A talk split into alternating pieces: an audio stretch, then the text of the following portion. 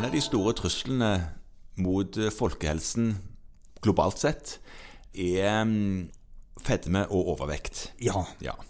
Dette har man prøvd å komme til livs, men eh, vår urhjerne oppi hodene våre til menneskene, de karer til seg alt som finnes av høyenergiholdig eh, s- spisbart materiale, og legger i seg så mye som mulig av det, fordi det føles smart der og da. ja. Og dette er biologi det er vrient å gjøre noe med. Eh, Krever, mener du at dette krever viljestyrke? dette krever viljestyrke, ja.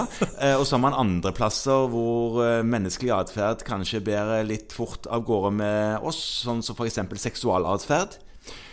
Ja. Nå ser jeg du ser det som et spørsmålstegn, men det vil bare si at Nei, jeg det- vet hva det er. Jeg har teoretisk tilnærming til det òg. ja, men- men poenget var at der har man noe som heter prevensjon, som gjør at de negative virkningene av å drive og gi etter for sin urhjerne, for å si det sånn, Ja.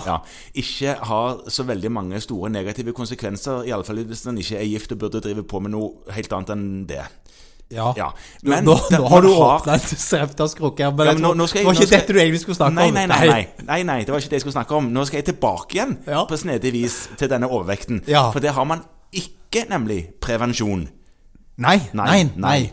Eh, altså, det, det, Der- der- det er jo også å si da at, at eh, i snitt Ja. så er ikke vekten så verst. Problemet er jo at den er altfor lav noen plasser, og altfor høy andre Jo plasser. da, det kan du si, Ja. men vi kan heller ikke gjøre noe særlig med det medikamentelt før eh, man har med en overvekt å gjøre. Nei, nei, nei. nei, nei. Alt før det er viljestyrke, som du sa. Viljestyrke og mengden fysisk aktivitet. Ja, jeg tror vi skal være litt forsiktige med å snakke om den viljestyrken, for det er nok litt sammensatt. Men, men Det er klart, men det er heller ikke det jeg vil snakke om. Jeg vil snakke om de nye medisinene som er kommet på markedet, som eh, kanskje til og med kan eh, trumfe fedmekirurgi. ja, Ja. Og nå begynner du nesten å snakke om prevensjon. Ja, Eh, fordi, nesten. nesten. Fordi at det som er poenget, er at vi har nå blitt ganske godt kjent med at vi i Norge har to i gåseøyne nye medisiner Ja. eh, mot overvekt og Altså, fedme. Er det disse GLP1-analogene du snakker om? Ja, altså vi har jo en tablett, den som heter Mysimba, som, som man kan Ja, skrive sånn, ja. ut, og som, Ja. som der er indi har indikasjonen overvekt, og Ja. som har refusjon for noen pasienter. Og så Og har- siden vi nå bare snakker om ett legemiddel, så tror jeg vi skal koste på oss å si preparatnavnet. F- ja, kan vi ikke gjøre var, det? Jo, det var Mysimba. Ja. Ja. Og det neste du skal si nå? det er Saxenda. Ja. Fordi at eh, de to er alene i sin klasse akkurat nå. Det er det de er. Eh, og de har i en rekkefølge, da, Mysimba først, Saxenda etterpå, mm. refusjon eh, for, for gitte pasienter. Dette har vi snakket om i en annen podkast. Ja. De har alle indikasjon ved en BMI over 30. ja. Og da er det ikke refusjon, det er indikasjon. Og så har de en- ved en BMI over 27 og tilleggssykdommer. ja. Så hvis man har sykdommer som gjør at man kan bli alvorlig syk eller få alvorlige komplikasjoner av overvekt, så, så trenger ikke BMI-en være over 27 før det faktisk er indisert å begynne å behandle medikamentelt. Mhm. Og det kan man godt ta med i begynnelsen her, at det er en god del pasienter som vi møter eh, der vi har noe å tilby, der vi kanskje ikke tenker på det. Og nå skal vi ikke selge medisiner i rik monn, men det er noe med å ha holdningen til hvor viktig det faktisk er å forebygge disse tilstandene. Ja. Og så har man andre medisiner som er diabetesmedisiner, som ikke er til de med et vektproblem. Nei, og det er Isolert. alle de der GLP-analogene. Ja. De eh, vil ha vekttap som en betydelig sideeffekt. Ja.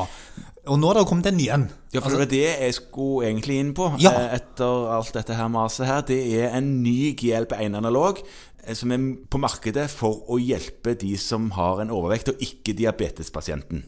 Ja. Eller kan godt hjelpe de òg, men hovedpoenget er å redusere vekt. Ja, altså, nå har da eh, det kommet en ny, og igjen kan vi på en måte bare bruke navnet på, for foreløpig er det bare én på markedet. Den heter Vegovi. Ja. Ja. Og den har nå fått indikasjonen overvekt Ja. i doser opp til 2,4 milligram. ja. Og den er òg ukentlig satt. Det er ukentlig satt. Ja. Og det er eh, fordi at vi kjenner dette virkestoffet. For det har vi brukt i diabetesbehandling i lang tid, og det Mm. er noe som heter semaglutid. Ja. Og der har vi brukt det mot diabetes, men nå har man også fått det godkjent i Norge til bruk ved overvekt. Ja, Med Men du samme- får ikke dette på blå resept? Nei, foreløpig er ikke det godkjent på blå resept. Altså, indikasjonen for bruken er den samme. Ja.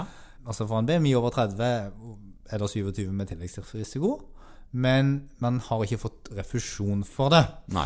Så Og det er det- ganske dyrt, da. Ganske kostbart. Ja, det er ganske dyrt, altså. Det Ja. koster ganske mye penger. Eh, og det gjør jo at for veldig, veldig mange, i hvert fall de med indikasjon for Altså de som muligens kan få dette på refusjon, Ja.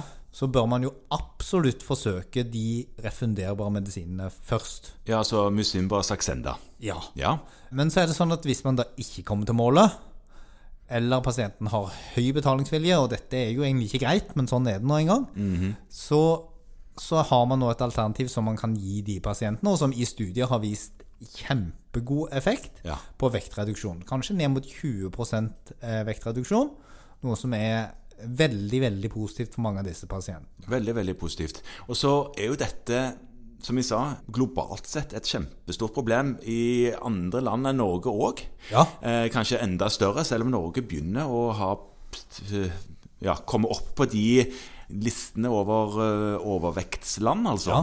Men det er andre lignende medikamenter som enda ikke er godkjent i Norge, men som det europeiske legemiddelverkene allerede har introdusert på markedet rundt omkring, som brukes mot diabetes, ja, men òg mot Ja, da er det overvektspasienter. særlig et stoff som nå ligger i, i, i pipeline, Ja, noe som heter tirsepatid, ja, og eh, som er både en GLP-1 og en GIP-analog, og, og viser enorme eh, vekttap i de vektreduksjonsstudiene som er gjort, og som òg vil komme. Så det vil skje ting her.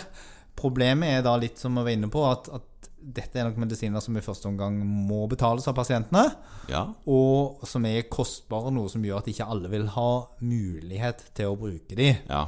Fordi at når det- ting begynner å koste flere tusen kroner i måneden Da er det en- ikke selvsagt at alle kan ta seg råd til det, altså. Nei.